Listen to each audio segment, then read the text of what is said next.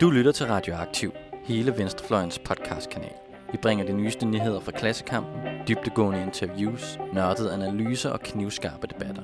Hvis du kan lide, hvad du hører, så husk at følge os på SoundCloud eller din podcast-app, og du kan også smide et like på vores Facebook-side. Så læn dig tilbage, knap bukserne op og nyd en varm kop Rød Radio.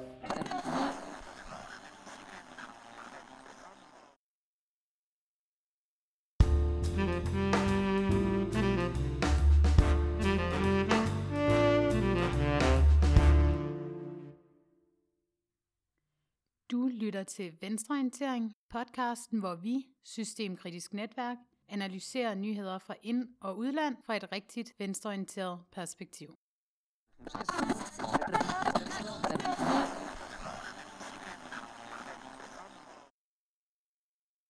Velkommen til Venstreorientering, og velkommen til et nyt år og et nyt årti. Kalenderen siger 2020, og vi i Systemkritisk Netværk er tilbage med vores øh, podcast. Vi har haft en øh, pause, men øh, nu er vi klar til igen at give venstreorienterede analyser af alle de ting, vi hører om i nyhederne hver dag. Og når jeg siger vi, så er det selvfølgelig undertegnet Kjartan, det er Camilla, Hej Kjartan. og det er Asmus. Hey. Og hvor er det dejligt at være tilbage. Og fint, at vi har overlevet til 2020. Det synes jeg er noget af en præstation. Hvad, hvad siger I egentlig til, at øh, det nu er 2020? Er der noget, I, øh, I ser frem til? Ja, jeg tøver lidt, fordi jeg ikke er sikker på, om se frem til er det helt rigtige udtryk, men altså, gruer, ængsteligt venter måske. Ja, Der er jo efter sine et valg i USA, som kommer til at blive i hvert fald interessant. det er rigtigt. Det er noget, jeg kunne forestille mig, at vi også kommer til at snakke om et, øh, et par gange. Der er jo først øh, nogle primaries, der skal afgøres, og det vil jeg sige, det er nok et af de steder, hvor jeg gruer lidt for, hvad der kommer til at ske. Hænger det sammen med navnet Joe Biden? Ja, blandt andet. Måske i særdeleshed. Jeg tror næsten, jeg er mere bekymret over uh, Buttigieg. Altså, han, han virker bare som en virkelig sådan neoliberal, sådan uh, småpsykotisk asshole. Altså, Ja, Ja. ja. Det, det er rigtigt.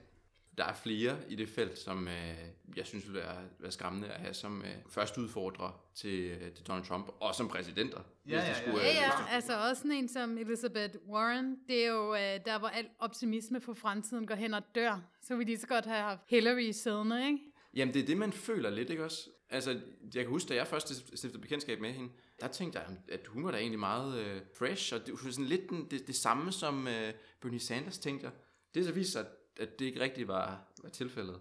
Ja, altså sådan, jeg synes, I er lidt urimelig. Jeg synes, hun er helt anderledes end, end Hillary Clinton, hvor Hillary Clinton var en, altså en, en gammel, hvid dame, der øh, kom med neoliberale politikker, ikke? Så er Elizabeth Warren jo en, en gammel, hvid dame, der kommer med neoliberale politikker, men påstår, at de er venstreorienterede. Det er rigtigt.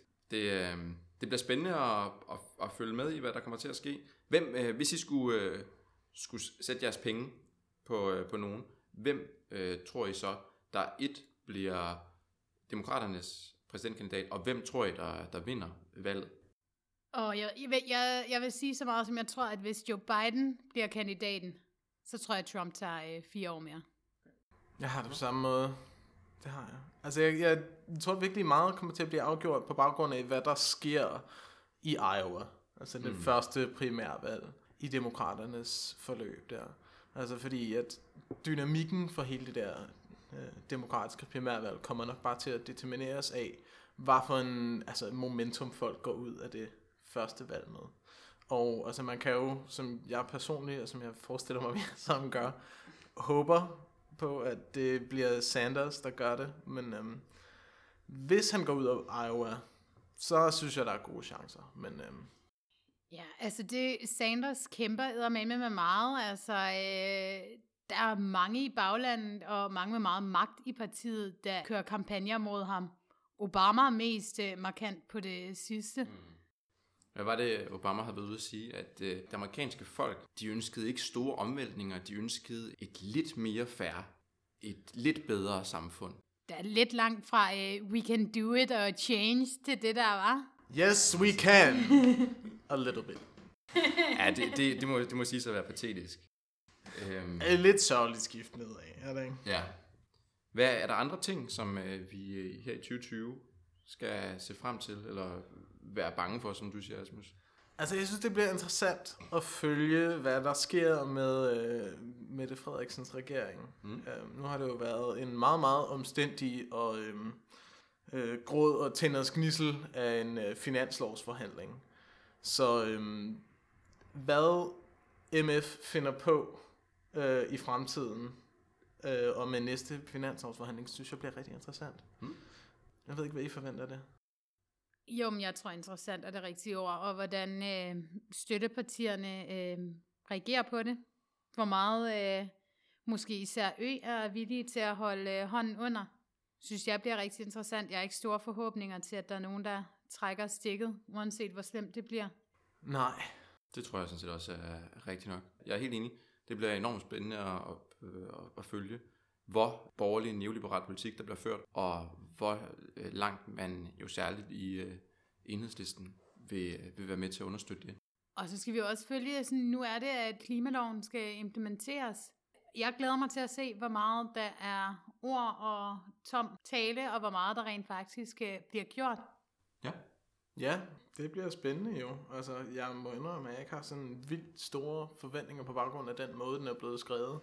Det er meget øh, ansvarsløs og aktørløs øh, klimalov, der er blevet skrevet der. Det er meget socialdemokratisk, at det du siger. altså, onde tunger vil måske en antyde det, men... Øh, og de vil have ret. Ja. Yeah.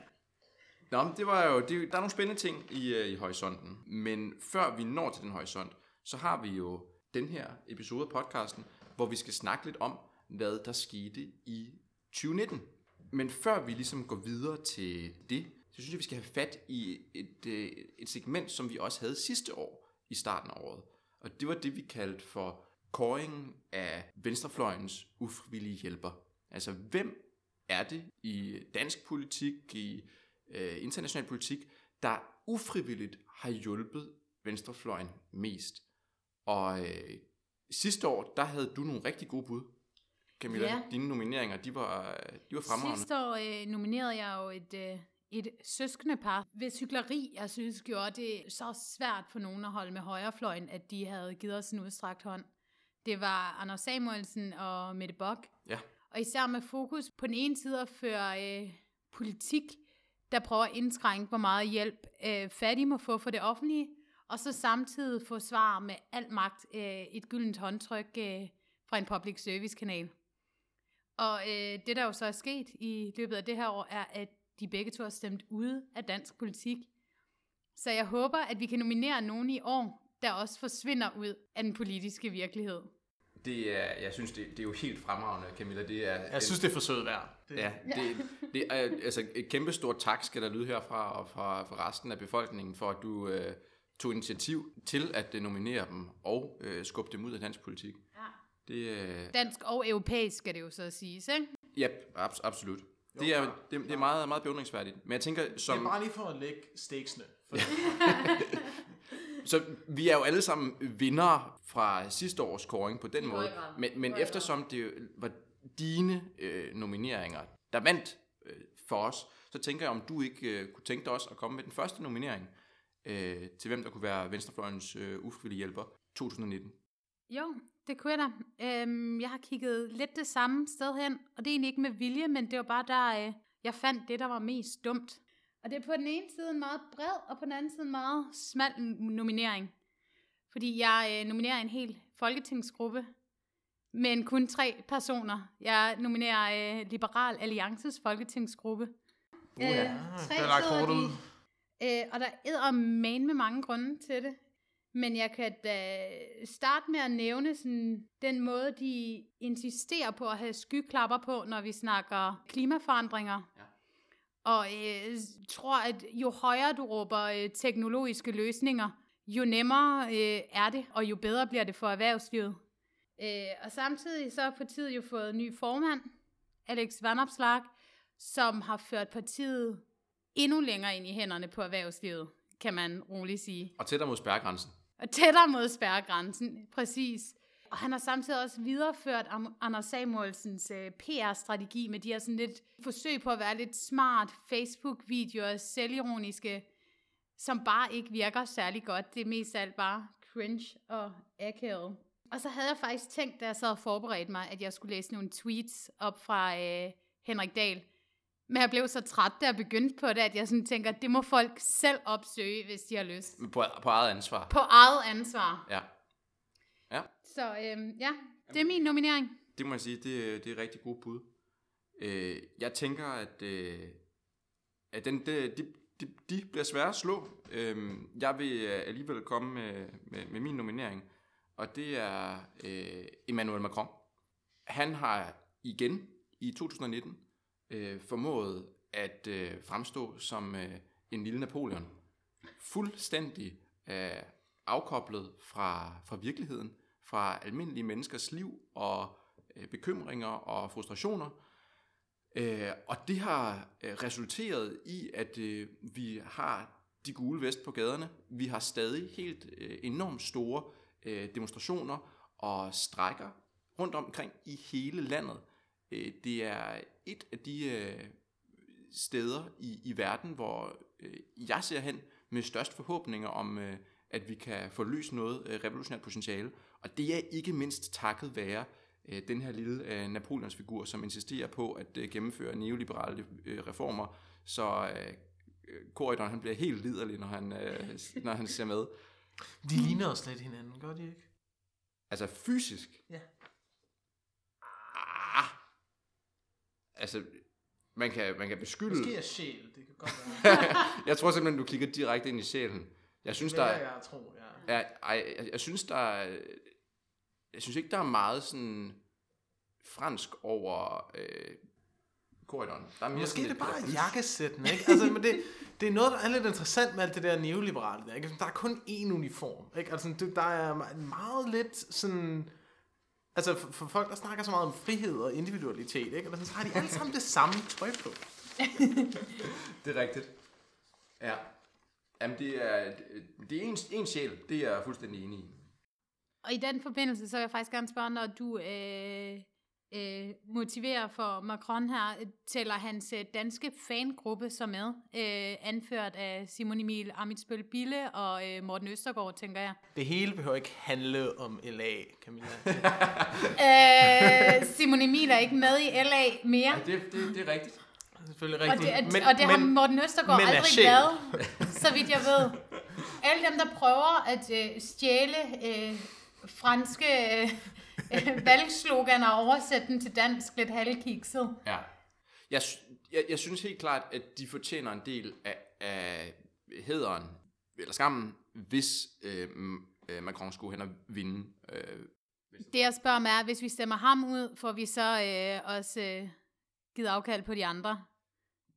Fordi det- det, vil, øh, det vil måske flytte min stemme lidt. jamen, så, så lad, lad os Okay. love det. Ja, Få Det- dem det øh, ud med i købet. ja, de ryger ud med i købet. Okay, alle, alle, der, alle, der siger fremad, uden at kvalificere, hvad det betyder, de ryger med i, i købet. ja. Asmus, øh, Altså nu har du smidt helt enormt meget valgflæsk. og på en eller anden måde, så, øh, så har jeg det lidt ligesom Jeremy Corbyn, der skal øh, sådan kæmpe for et, et mere autentisk partiprogram.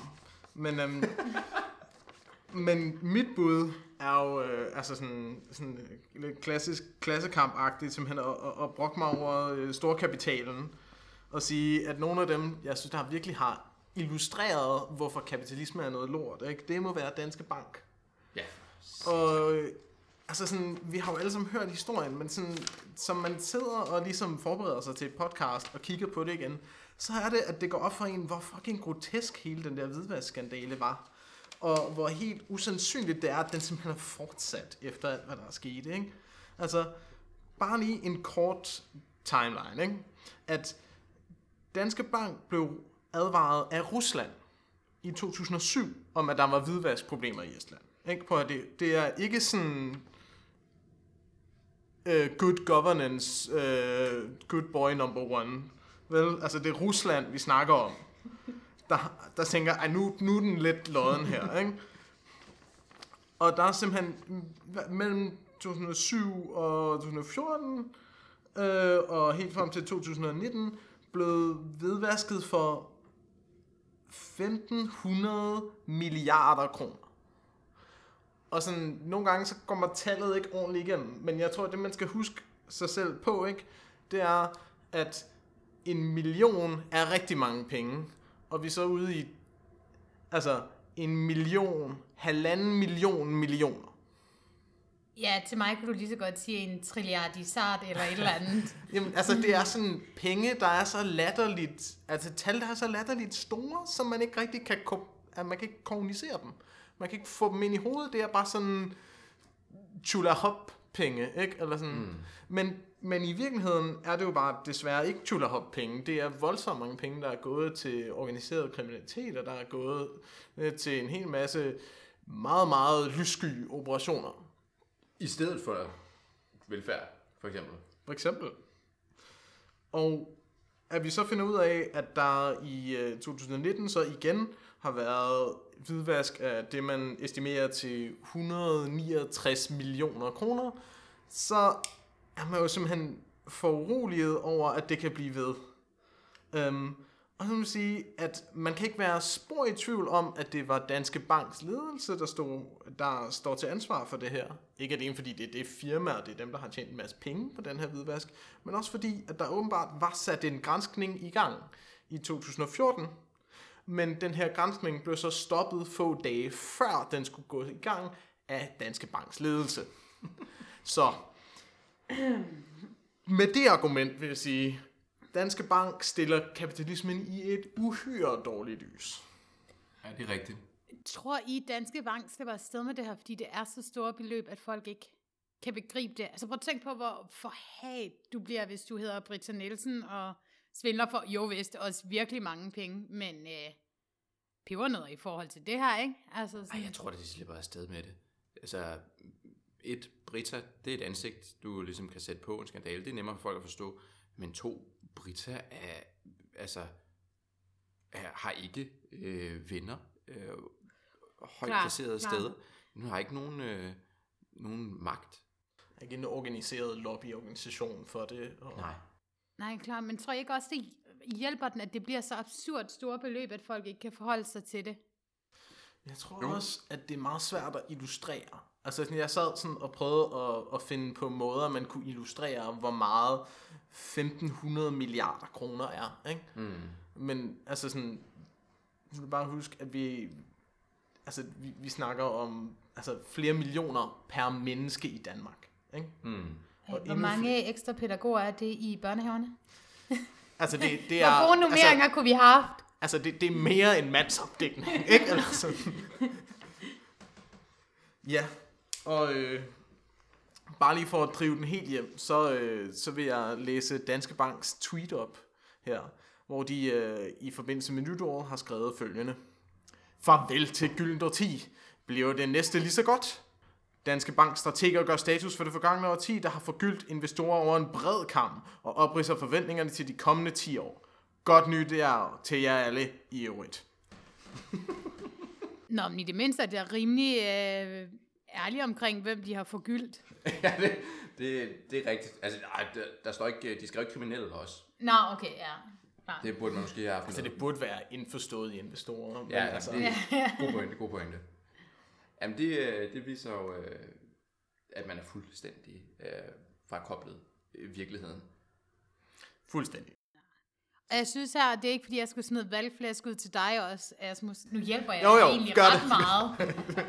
Men jeg synes også, der bør falde lidt skam af til dem, øh, eller lidt udskamning af til de på venstrefløjen, som øh, i det forgangne år har kørt sådan et, øh, vi kan reformere øh, finanssektoren, det behøver ikke øh, ændres radikalt. Øh, ja, gå ud fra, at I godt ved, hvem jeg snakker om. I virkeligheden store dele, vil jeg sige. Jeg I tror, der er nogen, der, store der, er nogen, der siger det mere eksplicit. Øh, Men det her, det var egentlig mest øh, Pelle, jeg tænkte på. Jamen, vi kan også godt fortsætte øh, vores beef med Pelle, kan vi ikke? Jo, jo. Jeg skal gå ind i det nye årti med, øh, med en frisk beef her.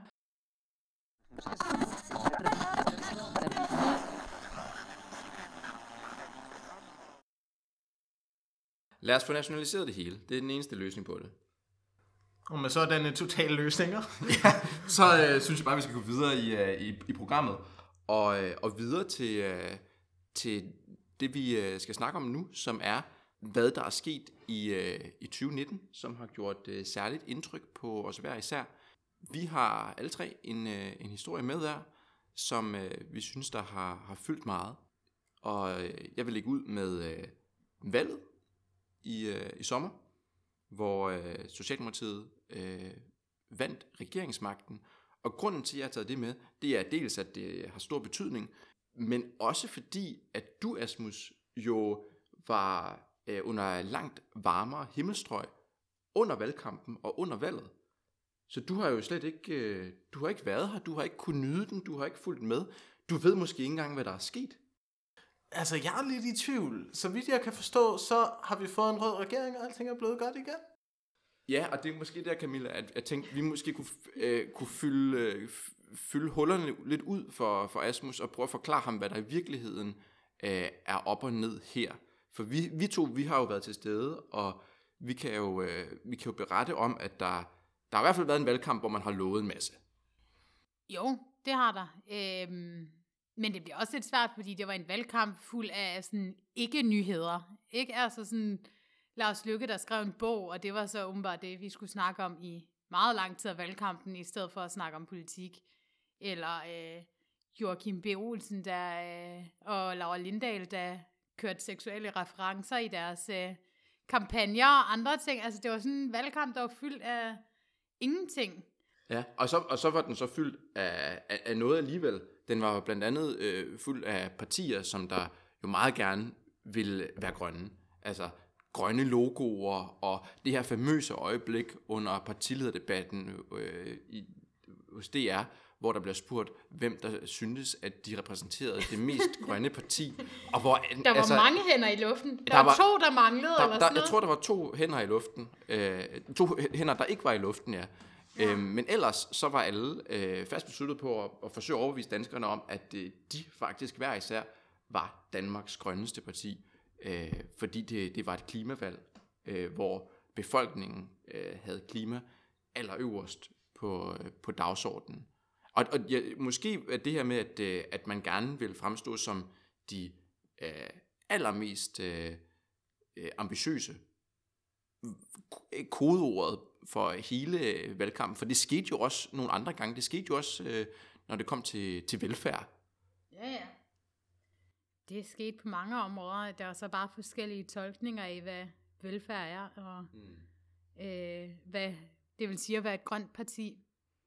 Så var det jo også altså, en valgkamp, der var præget af, at øh, der var mange nye partier, der forsøgte at komme i Folketinget, og øh, der stod 13 mand til en partilederrunde, øh, og skændtes om, hvem der kunne få lov til at... Øh, Vi ved jo, noget. det, det går godt hver gang, man inviterer 13 personer til middagsselskab, ikke? jamen, det går skide godt. Det, det var, det var øh, lidt og kaotisk, men, Jeg men vælger, jeg vælger at antage, at der var sådan en, der blev henrettet næste dag, eller? ja, dog, dog ikke, men, men, men der, altså, måske var der alligevel lidt, øh, lidt ulykke involveret, fordi det, øh, vi, vi fik ganske rigtigt en, øh, en sejr til det, som der øh, tidligere har været forstået som rød blok. Og som du siger, øh, Asmus, så er det jo nærliggende at tænke, at nu har vi så fået en rød reg- regering, og alt er godt, fordi vi blev lovet øh, velfærd, vi blev lovet øh, minimumsnummeringer, vi blev lovet, at øh, fattige børn, dog kun børn, men fattige børn, de øh, ikke skulle være, være fattige længere, øh, og vi blev lovet, at der ville blive taget hånd om klimaet. Så der svæver sådan et, et, et men i baggrunden af hele den her Der, kom, liste. der kommer nemlig et men. Det lader ikke til, at øh, de partier, som der, der har lovet de her ting, og særligt ikke partiet ved magten, er lige så optaget af at levere det, som man har stillet folk i udsigt. Det lader til, at de er sådan lidt øh, inspireret af Obama, sådan små forbedringer. Det kan vi arbejde med, men ikke noget, der øh, gør tingene for alvor bedre. Lige præcis. For vi, har, vi har jo fået en klimalov, som vi også øh, fik nævnt øh, lidt tidligere, men en klimalov uden nogen som helst svar på, hvordan man skal nå de mål, man har sat sig. Så øh, alle er blevet enige om, at nu skal vi reducere øh, vores CO2-udledning med 70%, men det er helt omkostningsfrit, for der er ikke nogen, der har lagt sig fast på, hvad der skal til for, at, øh, at man kan det, og hvordan der skal betales for det. Og øh, på samme måde, så har vi jo vi har fået, øh, vi har fået en, en lidt bedre velfærd. Vi har fået en økonomiaftale øh, med kommunerne, som giver dem lidt flere penge, men stadig langt, langt, langt fra nok til, at man altså kan indfri bare nogle af de forventninger, som man har givet til, til danskerne. Og vi har snakket meget om øh, her de sidste par måneder, at det også er chokerende, ikke, at vi sådan næsten har været lettet over finanslovsforhandlingerne, og da finansloven så endelig kom, at sådan, der er ikke lige så markante nedskæringer, som vi har set de sidste to årtier. Så det er næsten som om, at der bare, at nu er vi glade for status quo, mm. og at Socialdemokratiet kan sælge sig selv som et socialt ansvarligt parti på ikke at forringe velfærden. Mm. Vi er ligesom blevet lovet noget andet. Altså det, der er blevet snak- snakket enormt meget om, det er jo den her venstredrejning, som øh, Socialdemokratiet skulle have foretaget. Øh, og man lader til fuldstændig at ignorere, at alle de reformer, som Torning-regeringen gennemførte, altså reform af kontanthjælp, af førtidspension, af sygedagpenge, øh, og så videre, og så videre, som har ødelagt, ødelagt menneskers liv. Altså, det er ikke nogen, som den nye regering planlægger at rulle tilbage. Så altså, selv ikke de ting, som blev set som en højre drejning, vil partiet, der nu har foretaget en venstre drejning, rode bod på. Og så er der altså et eller andet galt i, at øh, man kan snakke om en venstredrejning, når det kun er dele af befolkningen, dele af sådan, øh, om ikke de fattige, så den lavere middelklasse, øh, man vil forbedre vilkårene for. Det afhænger i høj grad af øh, dit efternavn, og hvilken hudfarve du har, og hvor du er født hen i verden. Mm. Personligt synes jeg, at hvis det ikke gælder for alle grupper, så er du ikke venstreorienteret. Jamen selvfølgelig.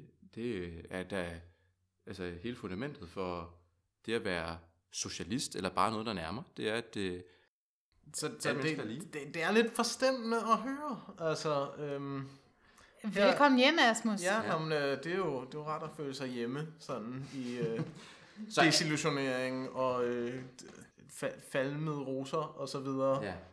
Alt er jo lidt som det plejer, og mås- måske er det i virkeligheden øh, bedst illustreret af, af den ydelseskommission, der netop er blevet øh, nedsat. Socialdemokratiet de lovede gennem hele valgkampen, det her med, at der skulle ikke være fattige børn øh, mere, og man skulle kigge på nogle af de mennesker, der var på kontanthjælp, og se, om øh, man kunne sørge for, at deres øh, børn ikke øh, øh, led lige så meget, som de, de gør nu.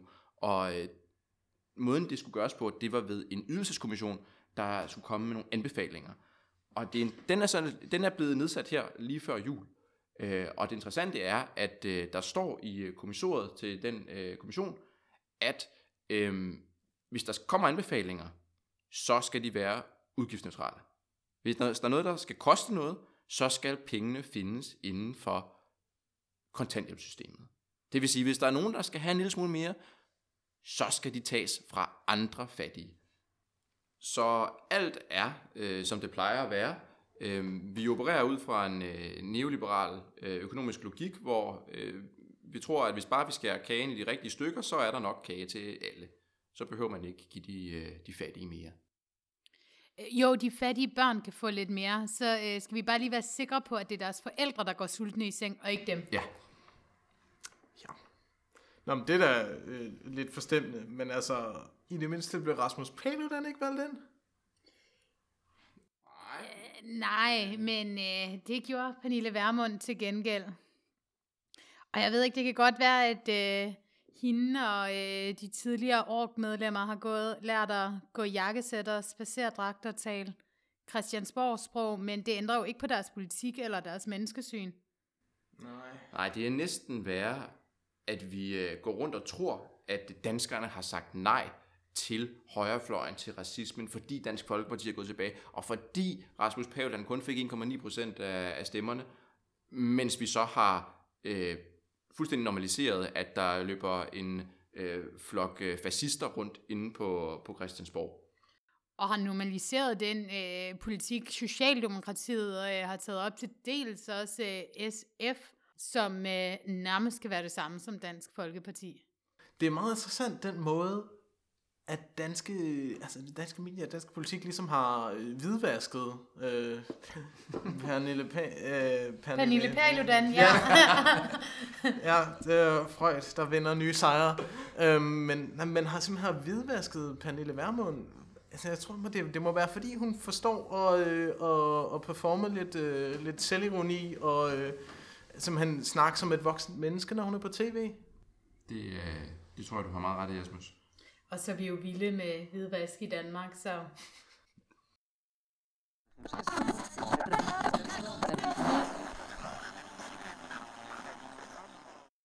Jeg beklager, at det ikke var en øh, mere positiv øh, nyhed, jeg havde med. At det ikke var noget mere positivt, vi kunne fortælle dig om, øh, om valget, øh, Asmus. Mm-hmm.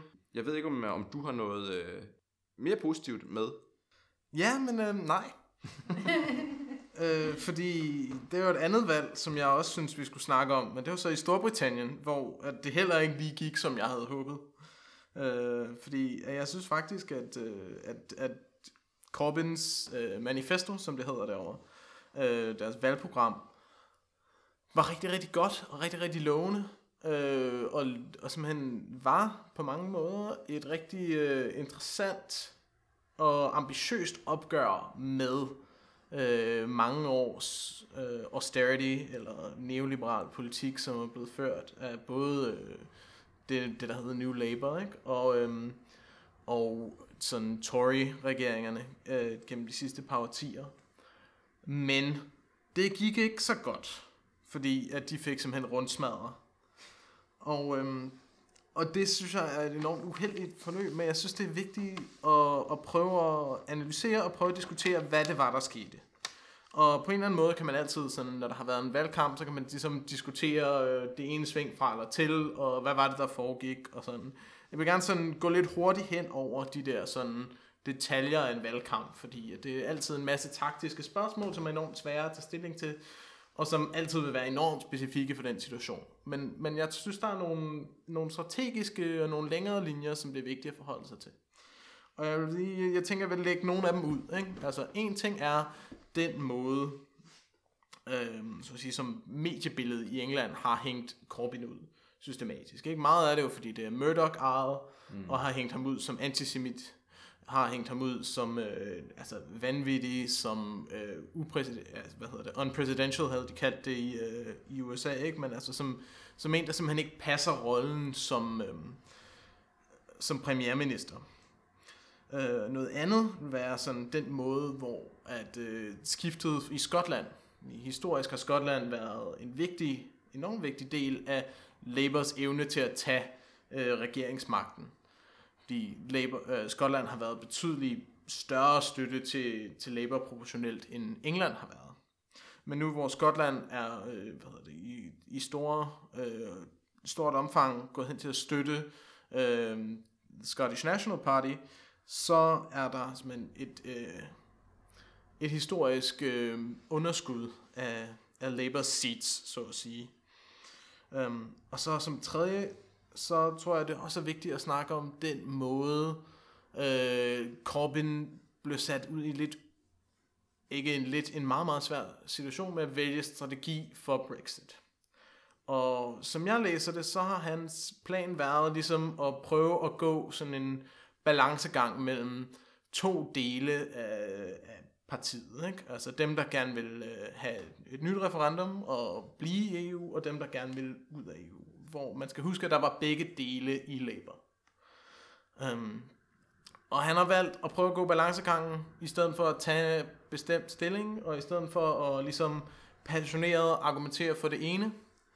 Og jeg tror, at noget vi bliver nødt til at se i øjnene, er, at den balancegang simpelthen ikke lykkedes. Og måske i virkeligheden var umulig. Altså, det kan meget vel være. Det er, det har alligevel været hvad, tre år, hvor der har været togtrækning frem og tilbage med, hvad man skulle gøre i kølvandet på folkeafstemningen om Brexit.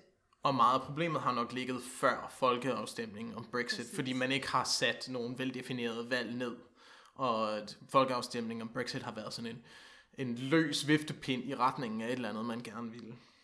Det er altid dumt at uh, stemme noget fra, i stedet for at stemme noget til. Helt klart. Så som sidste point vil jeg måske sige, at noget af det, der har været rigtig interessant i dynamikken med Labour omkring Corbyn, har været den konflikt, der har været mod det, mellem det parlamentariske del af partiet, altså dem, der har siddet i uh, Chamber of Commons, uh, og så medlemskabet, som jo har støttet op om Corbyn. Og den måde, at medlemmer af det parlamentariske parti har systematisk undergravet uh, Corbyn.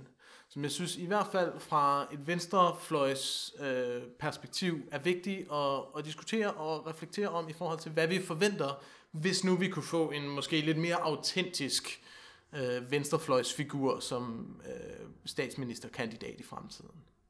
Og hvad vi forventer af de parlamentariske partier, vi har i Danmark. Så jeg tænker, det er vel egentlig sådan øh, tre faktorer, jeg prøver at, at pege til her. Ikke? Og det jeg egentlig gerne vil spørge jer om, det er, hvad, hvad I tænker er det vigtigste? Men jeg tænker, øh, at man overhovedet ikke kan skille de her ad, fordi øh, en af de ting, der også splitter Labour lige nu, er netop spørgsmålet om Brexit og hvordan det skal håndteres. Så de, jeg tror, det klasseopgør, eller sådan den, øh, det opgør med New Labour og sådan den der 90'er Labour, som Corbyn også stod for, er også druknet lidt i øh, Brexit-diskussioner. Øh, og jeg tror også, SMP, øh, SNP har vundet endnu mere frem på grund af øh, Brexit-frygten. Altså i Skotland er der jo ikke et flertal for Brexit. Og der har også været noget taktisk i at stemme på SNP, fordi Skot, det også er en mulighed for Skotland til at blive i EU. Så, så jeg, jeg, jeg tror, at de spiller rigtig meget sammen, de der, og jeg tror, Brexit måske er det alt dominerende, øh, fordi det er det, der er blevet talt om, og det er også det, medierne har talt op, ikke? Og det er vel egentlig akkurat nok, ikke? Altså, at, at gøre Brexit til det store spørgsmål. Det er jo det store makropolitiske spørgsmål i Storbritannien nu. Ikke? Altså, når, når snakken ligefrem går om, hvorvidt unionen kommer til at overleve Brexit, mm. så er der meget at overveje der. Ikke? Jeg er fuldstændig enig i, at øh, alle de her ting, øh, du har nævnt, øh, er, har været helt afgørende for, hvordan valget er, er faldet ud. Jeg tror i virkeligheden, det jeg ser som det største problem, øh, er, at der ikke er folkelig opbakning til det politiske projekt.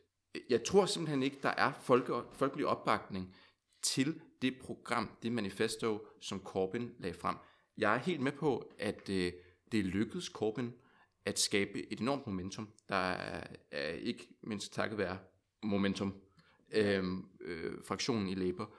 Rigtig mange unge mennesker øh, rigtig mange øh, mennesker som os har, har set et håb i, øh, i Corbyn, og øh, tror jeg har følt, at her, nu var tiden inde til at gribe ud efter magten.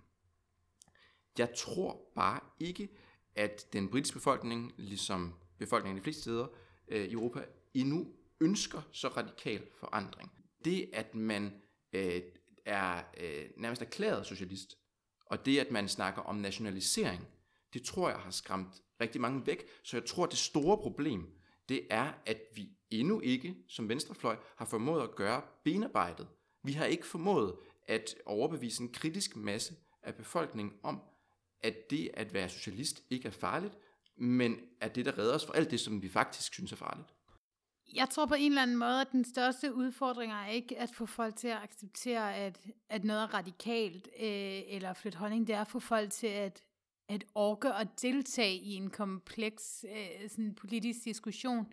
Altså jeg tror også, det, det der med Brexit, det der med, at folk stemmer på at få det overstået, i stedet for på noget, der måske kunne blive et bedre resultat. Fordi sådan, usikkerhed er totalt destruktivt for mennesker, og sådan engagement, der virkelig kræver noget af dig, er fandme også risikabelt. Jeg tror måske, at det, det jeg prøver at sige, det er, at øh, den nationalisme, som der har drevet øh, Brexit, ikke mindst, og som jo er en sygdom i, i hele Europa og verden. Øh, ja, tak. og, og verden, ja. Øh, den er, er det lykkedes at indlejre så dybt i folk, at de er, det, er, det, det er simpelthen deres natur nu. Det er second nature for dem at tænke efter nationalisme, at tænke ud fra nationalistiske principper, at stemme derudfra. jeg tror, at det er nødvendigt for os, at socialisme tager den plads. At socialisme bliver det, der er folks natur. Det er, de socialistiske principper er de grundprincipper, folk ser verden ud fra. Så tror jeg, at vi får løst alle de andre ting. Men, men, men jeg er også fuldstændig enig med jer, det I siger, at hvis vi kigger konkret på Brexit, så er det svært at, at adskille alle de her øh, ting fra hinanden, fordi der er også et, øh, altså folk, som du siger, Asmus, de øh, sidder nok ikke og læser øh, altså, øh, manifestet igennem. Altså de, de, de, de lytter til, hvad det er for en, hvad er det for en, en, et, et billede, der bliver tegnet af Jeremy Corbyn generelt, og det er noget med, øh, øh noget med Sovjet, og øh, brillerne sidder skævt osv., og så er det det, man reagerer ud fra. Så, så det kan godt være, at du har ret i, at uanset hvor øh, næsten hvor ideologisk godt funderet, man, eller klædt på, man havde, øh, man, man havde gjort folk, så, så vil de stadig have, øh, have stemt øh, på nogen, der ikke var blevet øh, svinet til, øh, både indenfra og udefra, på den måde, som øh, Corbyn blev. Øh, jeg, jeg, jeg, jeg, jeg synes, der er noget der også for mig er noget uafklaret der, men, men jeg er ret sikker på, at vi er nødt til at gøre et bedre øh, benarbejde, før vi er klar til at gribe ud efter magten. Men jeg tror også, at det benarbejde, det handler om at, at motivere folk til at have lyst til at tage debatten. Altså for mig at se, så handler socialisme også om at forstå nogle ret komplekse sammenhæng, og være villig til at sidde og sætte sig ind i den på forskellige vis, men, men at virkelig være villig til at sætte sig ind i andres liv også. Jo, men det tror jeg, du har helt klart ret i. Jeg vil sige, at noget af det, som, som jeg bliver opmærksom på i den her samtale, ikke, det er, den, hvordan, at den måde, vi griber til politiske løsninger i Danmark og i, og i Storbritannien, ikke, øh, historisk, det har været at skabe de her enormt komplekse løsninger. Ikke? Og de er enormt teknisk sofistikerede på en eller anden måde, men de, der er meget lidt politisk vilje bag dem. Ikke? Og jeg tænker, at det, der var den helt store styrke ved Corbyns manifesto, ikke? eller Corbyn Labours manifesto, var, at det faktisk havde det politiske mod til at sætte en relativ simpel struktur ned. At sådan løsningen for bedre internet var simpelthen at gøre det frit. Så alle har godt internet. Ikke? Og det der med at gribe til en simpel løsning, det har folk nærmest, eller skulle man tro, at folk nærmest har lært, er, er sådan et, et, et fatamorgana, ikke? Ja, og det er jo vildt, ikke, at, at sådan de simple løsninger er det, der er svært at forstå, fordi det er ude fra den måde, vi er vant til at tænke tingene på, ikke? Altså, altså, fordi jeg tror netop, at det er mere komplekst i folks hoved, at nationalisere tingene, og så er det rimelig simpelt, hvordan det kører, i stedet for, at alting skal i udbud og sådan noget. At, at det er mere komplekst at forstå den proces, fordi det er ikke det, vi er vant til at tænke, der skal ske. Ja, og, og jeg vil bare lige uh, runde af ved at sige, at jeg, jeg tror sådan set også, at, uh, at det her, øh, ikke nødvendigvis nederlaget, men Corbyn og manifestet, har uh, en vigtig rolle at spille som murbrækker, at vi at det er en del af det ideologiske benarbejde med at omvende folk, at vi netop præsenterer dem for de her uh, mere enkle og effektive uh, radikale løsninger. Så med tiden, så skal det nok aflejre sig i folk, det var eddermame med en positiv afslutning, altså sådan, at uh, der er håb, fordi Corbyn trods alt blev leder for Labour, ja. og jeg har siddet med sådan en, åh oh, nej, nu får vi et par årtier igen med sådan nogle uh, midtersøgende uh, third way typer. Ja, men jeg tror, vi har brugt lidt af den uh, Jamen, jeg, mentale jeg uh, håber så meget, du har ret.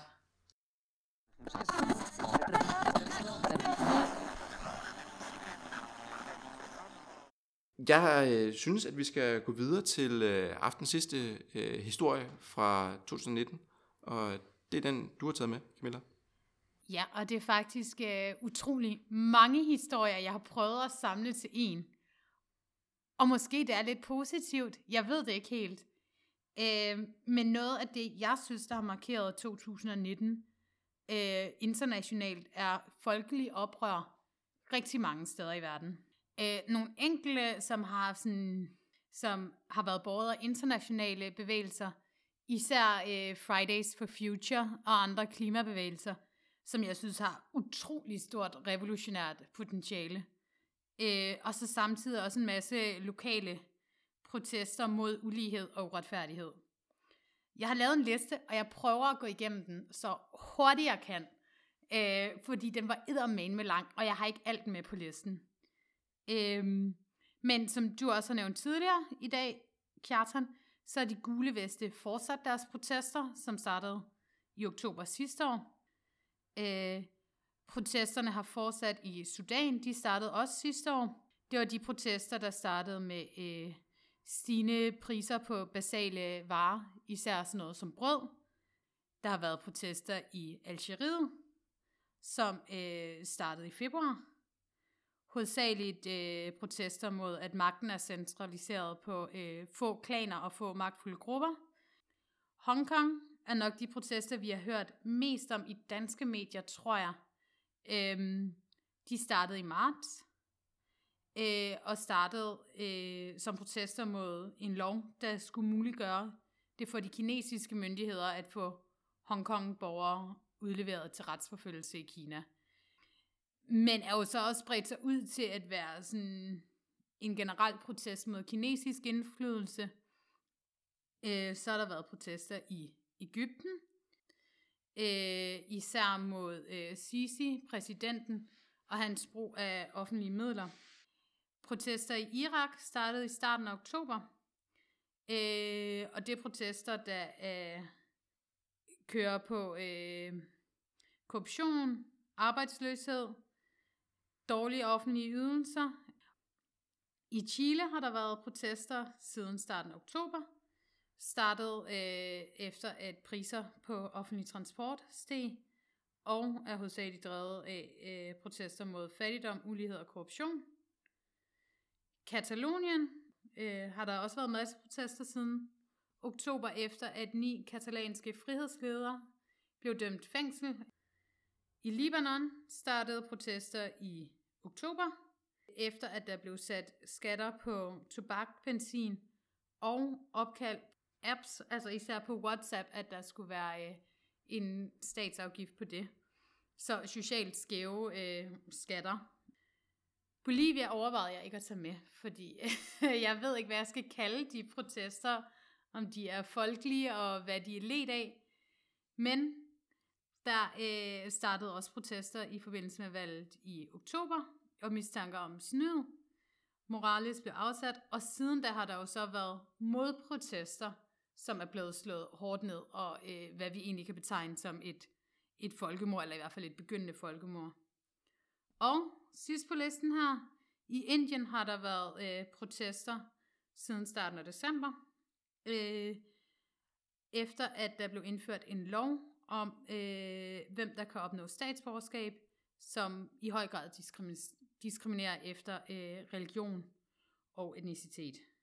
Øh, jeg har ikke nævnt her de protester, der har været mod massiv fattigdom i Gaza, de protester, der har været mod øh, øh, drab på journalister i øh, Malta, Italie, italienske protester mod øh, højrefløjens fremgang, og jordanske og tunesiske protester, også mod ulighed.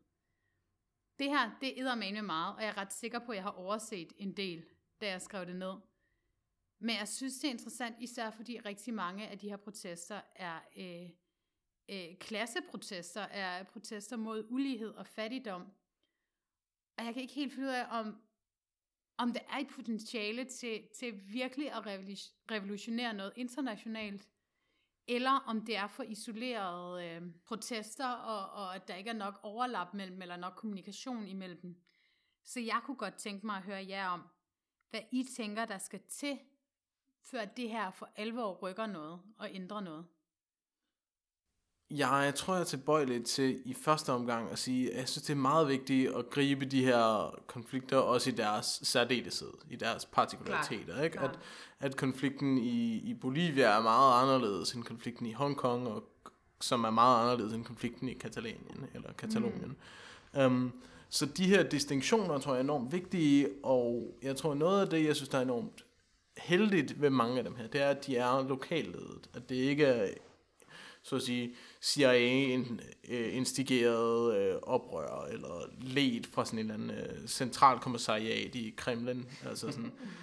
Som det, det, men det mener jeg, det er meget seriøse, sådan heldige omstændigheder, at det er sådan lokale, der leder et, en kamp, der på mange måder også har nogle enormt lokale partikulariteter. Det, der jo så er uheldigt, det er, at der ikke rigtig er nogen magter på altså statsniveau, som er tilbøjelige til at støtte særlig mange af de her. Der er rigtig mange af dem, der, øh, især dem, der er mindre sprængfarlige øh, politiske for vestlige ledere, der bliver støttet retorisk, men ikke så meget andet. Yeah. Altså, det er ret nemt at lave et hashtag, øh, I support Lebanon, Lebanon, eller et eller andet. Men jeg tror, at så at sige, øh, jeg, jeg vil antyde fra et så at sige historisk, materialistisk, dialektisk perspektiv, at noget af det, man skulle forestille sig, ikke, det var, at der simpelthen skulle være øh, sådan materiel baggrund. Der skulle være en, en, en støtte, både på et økonomisk, men altså også på et, altså et korporligt niveau til at støtte op om de her bevægelser. Ikke? Og det er jo dybest set, øh, hvad hedder det, Trotskis pointe med den globale revolution, at der skulle være øh, hvad hedder det, støtte imellem de lokale revolutioner.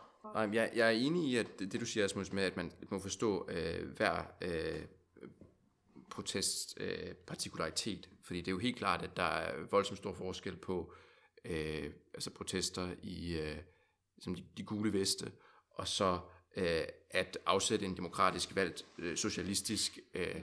regering i øh, Bolivia og indsætte et fascistisk militær øh, styre i stedet for, og så øh, forskelligt igen til Hongkong, øh, hvor det er forholdsvis privilegeret, som der kæmper mod en, øh, en, en, en statsmagt, som alle øh, kan være enige om øh, ikke øh, behandler folk særlig, særlig pænt. Så der, der er helt klart nogle, en, en, en masse, der skal forstås der, og som skal gribes om, også hvis vi skal forsøge at bruge det, øh, bruge den forståelse øh, fremadrettet. Men lige så meget som de er forskellige, lige så meget mener jeg sådan set også, at de, at, at de er ens. Og, og du, du var også lidt inde på det øh, før, Asmus, og det var du sådan set også, Camilla. Det, der er jo mange af protesterne, næsten alle, har jo rod i nogle frustrationer, som vi på venstrefløjen har svar på. Når vi snakker om øh, altså nationalistiske bevægelser, så er det jo noget, der typisk er drevet af, øh, blandt andet, at folk er enormt øh, frustrerede. Øh, de retter så bare frustrationen det forkerte sted hen. Det er jo noget, hvor vi som venstrefløj øh, har svar. Øh, så der, øh, jeg, jeg er selvfølgelig glad for at se, at der øh, er en masse øh, kommunikation mellem nogle af de her øh, protester, altså at man forskellige steder i Mellemøsten øh, kan referere til hinanden. Øh, men jeg, vil, jeg, jeg synes i virkeligheden, at vi har et stort arbejde foran os i at prøve altså at binde dem langt tættere sammen. Alle de protester øh, verden over, forstå dem øh, øh, altså, som en del af det samme. Øh, og så derudover så selvfølgelig også øh, altså advokere for faktisk at støtte materielt øh, de steder, hvor protesterne giver mening. Jeg synes, det er sigende, og nu, nu ved jeg faktisk ikke, om jeg glemte Iran før, men det handlede jo også om benzinpriser øh, til at starte med. Altså, hvor mange steder, øh, det er jo lige fra de gule veste til øh, protesterne i Libanon, at, til Sudan, til øh, Chile, at det handler om øh, øh, stigende priser på øh, ting, eller beskatning på ting, som rammer de mennesker, der har mindst. Altså sådan de der socialt skæve skattereformer, øh, som gør det værre at være lav middelklasse eller derunder. Og der må skulle være noget, man på en eller anden måde kan samarbejde omkring, eller lære af hinanden, eller støtte hinanden. I. Men jeg tror, det er det, jeg prøver at sige, at jeg tror, der er helt klart meget at arbejde sammen om. Men noget af det, der sådan ligesom er, det er, at der ikke er, altså hvor, hvor skulle de her ressourcer komme fra, er det, jeg påpeger. At, at altså det kunne selvfølgelig komme fra det globale nord, så at sige, ikke? At der er ressourcer nok til, at vi kunne sende noget substantiel støtte til et oprør i Libanon, eller et oprør i Iran, og sådan noget, ikke? Men vores organisationer her, til stede, er jo ikke stærke nok. Altså, sådan, det, det er jo ikke, altså, jeg synes, det er et udmærket podcast, vi laver, for at være selvtilfreds, ikke? Eller sådan, men det er ligesom ikke et podcast, der øh, hvad hedder det, kan, kan, kan mønstre en substantiel materiel støtte til at hvad hedder det, gøre en, en strække i Frankrig længere, eller en, øh, hvad hedder det, et, et, et, så sige, en, en oprørsorganisation i, øh, i, i Beirut stærkere, vel? Men så kommer vi tilbage til mit oprindelige spørgsmål. Sådan, hvad fanden skal der til, hvis vi skal ændre noget øh, globalt? Og selvfølgelig skal vi altid se tingene i deres lokale kontekst. Og øh, jeg tror, du har helt ret i, at det er en forudsætning for øh, globale revolutioner, at de også starter lokalt. Øhm, men der skal jo ske noget for, at de ikke dør ud. Ja, det, øh, det, det, det kommer de jo nok desværre til, fordi altså, som du siger, Asmus, vi har, vi har ressourcer, men øh, vi har jo nok at gøre med at øh, altså, forsøge at overbevise øh, venstrefløjen herhjemme om at være venstreorienteret. Øh, så at, at aktivere alle de ressourcer, vi har, øh, synes øh, lidt langt væk. Men noget af det, man kan gøre, det er, synes jeg, at gå dybere ned i de øh, altså forskellige øh, protester, øh, som der er rundt omkring, og gøre dem, gøre dem mere tydelige, og gøre dem tydelige for folk, hvad de handler om.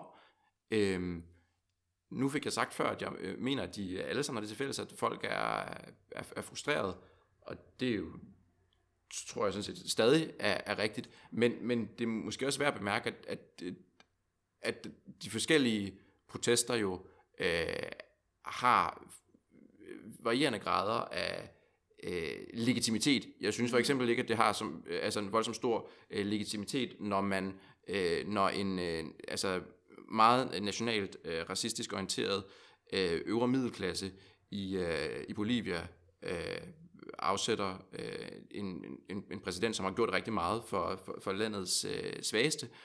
Og jeg har været lidt skuffet over, at venstrefløjen ikke har været skarpere, og det er både venstrefløjen hjemme, men det, det, det er faktisk også sådan en som Bernie Sanders, ikke har været skarpere i at sige det fuldstændig som det er, at det her er endnu et, øh, et, et, øh, et eksempel i den lange, lange række af amerikansk øh, hjulpende, fascistiske, øh, kapitalistiske øh, kup, kup i, øh, i, i Syd- og Mellemamerika. Det er, altså, og, og som du også sagde, Camilla, så er det, altså, nogle af de uh, udrensninger, der sker af uh, grænser til, til folkemord af, af, af, sådan, af ja, oprindelige befolkning. befolkning. Ja, ja det, det, det her, det er, når medierne er så optaget af at snakke om Hongkong, fordi det er en konflikt, man godt kan forstå. Slemme Kina, og så øh, Hongkong, som er frit og dejligt osv. Så, så må der være lige så mange af os på venstrefløjen, der må hive fat i alle de steder, hvor der ikke bliver snakket nok om protesterne. Både de positive af dem, øh, som øh, blandt andet i, øh, i Libanon, og de negative, som vi skal gribe på en eller anden måde, som i, øh, i, i Bolivia. Jeg, jeg synes ligesom ikke, I kom med nogle, nogle svar, jeg kan bruge videre. Og måske lidt, men... Uh... Ja, øh, men øh, det er simpelthen, fordi vi ikke vil. Du stiller sådan nogle nemme spørgsmål, Nej, Camilla. det er også så, øh, provokerende. Det er provokerende. Så øh, jeg valgte at sidde... Nej, jeg, jeg, jeg, jeg, jeg vil enormt gerne have et godt svar. Altså, ja. Men jeg, jeg, jeg ved det simpelthen ikke, og jeg synes ikke, det er spor nemt at gå til. Nej, og det er også et emne, det er svært at tage op, ikke? og jeg var i tvivl om, jeg skulle tage det her med, fordi fordi jeg føler lidt, at vi altid ender med at snakke i cirkler, eller snakke om de samme ting, men samtidig så er det sådan, at vi er nødt til at blive ved med at snakke om det, fordi hvordan skal vi ellers ændre noget? Ja, og lige præcis, jeg synes jo faktisk, det vi gør her, øh, er en del af en meget, meget lille del øh, af, af, af det arbejde, som der skal gøres på, på venstrefløjen med at øh, bevidstiggøre øh, folk om, øh, om de her protester, om de vilkår, folk lever under, under den undertrykkelse, som øh, hver dag sker øh, rundt omkring i verden. Så øh, jeg synes alene det, at vi, øh, vi snakker om det her, det gør det forhåbentlig tydeligt for nogen, hvad der, der sker omkring os. Men jeg tror måske, at noget sådan, de første skridt, vi kan tage fra et venstrefløjs sådan, organiseringssynspunkt, det er at prøve at skabe forbindelser mm. til de her, og, og kende mennesker i de her andre lande. Ikke? Altså, for så vidt som vi kender folk, der er øh, hvad hedder det, revolutions- eller oprørsledere i de her steder, så er det simpelthen nemmere at støtte dem, og nemmere at snakke med dem, og nemmere at gennemskue situationen dernede, og hvornår det, det er meningsfuldt og ikke meningsfuldt at støtte det. Så det her med at kende hinanden på tværs af landegrænserne, og bygge en, en venstrefløj, der er international, tror jeg er en vigtig del af det. Helt enig. Og så oven i det, så tror jeg måske også, det er vigtigt, at vi støtter medier, der øh, gider at skrive om noget, der foregår langt væk